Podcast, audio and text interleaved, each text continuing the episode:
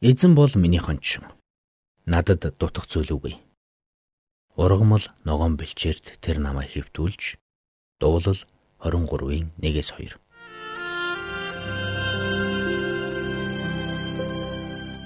Мэргэний сонсог, мэдлэгийн тэлэг.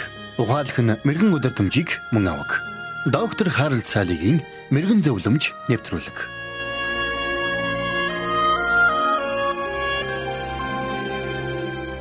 Судалгаанаас үзвэл стресс нь бидний бие махбод болон сэтгэл санаанд маш хортойгоор нөлөөлдөг. Стресс нь хүмүүсийн биед хорт хавдар үүсгэхээс эхлээд хүүхдүүдийн оюун ухааны чадамж муудах хүртэл маш олон янзын сөрөг нөлөөг үзүүлдэг. Стрессийн улмаас ходоодны шарах зүрхний шигдээс үүсдгээс гадна стресс бидний сэтгэл санаанд маш сөргөөр нөлөөлдөг.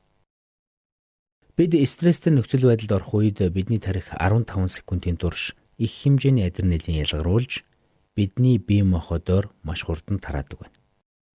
Энэ адреналины нөлөөгөөр тамирчин хүн талбай дээр ердийн үеийнхээс илүү хурд хүчийг гаргаж чаддаг бол тортой хүнсээ арай ядан даадаг настай эмэгтэй осолд орсон хүнийг сэв хийдэл өргөөд машиндаа суулгачихдаг. Ийм шийдтэй. Стресс бидний булчинд туурба залгасан мэт хүч өгдөг. Өөрөөр хэлбэл бие махбод чинь аюулын эсрэг тэмцэх буюу аюулаас зогтох хүчийг өгч байна гэсэн үг. Гэхдээ бидний бие ийм их ачааллыг удаан даах боломжгүй. Жишээ нь та гараа байдаг чангаараа атгаад хэсэг хугацаанд хүлээгээд үзээрэй. Туд удалгүй гарчин чилж өвдөж эхлэх болно. Тэгвэл стресс ч бас бидний бие махбодод ийм нөлөөг үзүүлдэг. Гэхдээ бид атгсан гараа амархан тавьж чаддаг бол стрессээсээ тийм ч амархан салж чаддаггүй.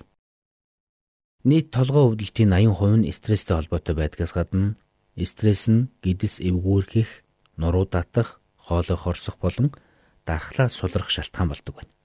Цаашилбал стресс нь бидний сэтгэл санааны байдалд ч сөргөөр нөлөөлдөг. Стресстэй үедээ бид дэвчээргүй хүлээцгүй болдог. Цаашилбал бие барих чадвар суларч түргэн ууртай уцаартай болдог. Улмаар хилий гэж бодоогүй үгсээ хэлж эргэн тойрондоо байгаа ойр дотны хүмүүсээ гомдоож дүлхэж эхэлдэг байна. Тинхүү эцсийн дүндээ стрессээс болж бид өөрсдийгөө хохирогоо зогсохгүй бидний ойр дотны хүмүүс ч бидний стрессийн хохирогч болж байдаг. Сэтгэл судлаач пастор Жак Моррис хэлэхдээ стрессээс үүдэлтэйгээр маш их ядралт үүсдэг бөгөөд ядарсан хүн амархан дүгшиж дүгшүүр нь санаа зовнилд хүргэн хэтэрхий их санаа зовнил нь эцэстээ тухайн хүнийг сэтгэл гутрал руу түлхдэг гэсэн байдаг. Цаашилбал стресс нь бидний сүнслэг амьдралд нөлөөлж байдаг. Та цуглаанд очиод пастрийнхаа номлогыг сонсоод дотроо 20 минутанд багтаагаад ярьчих юмыг яасан удаа ярьдгийм гэж цухалдаж эхлэх болно. Та альва зүйлс шүүмжлэлтэй хандаж цуглааныхаа үйлчлэлээс ивэл авч чадахгүй байх болно. Библи унссан ч хамгийн сүүлийн нүрэнд бичигдсэн зүйлсээс бусдыг нь санахгүй байх болно. Нэг нь мэдхэд Бурхан таны хувьд хүйтэн хөндөй алс холын мэтнийг нь санагдаж эцэст нь та өөрийгөө буруутгаж эхлэх болно. Христэд итгэгчид дараах хоёр буруу ойлголтоос ерөөсөө салж чаддаггүй.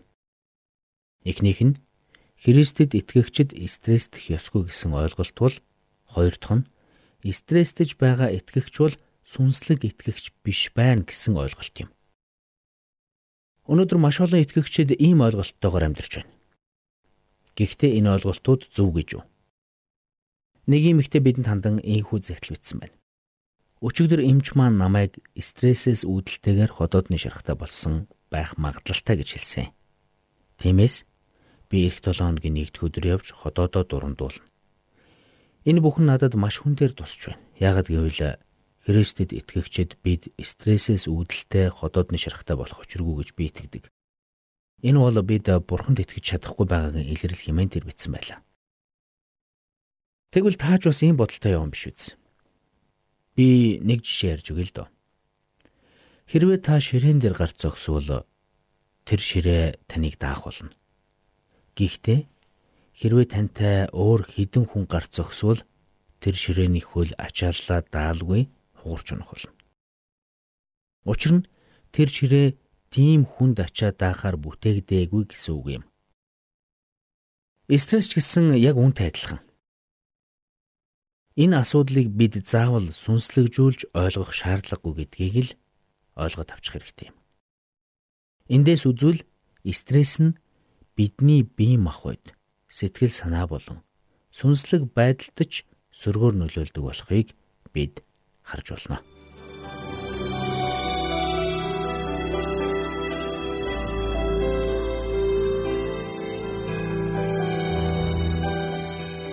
Мэргэн нэгнийг дагвал мэргэн, мулгуутай нөхөрлөл хорлол.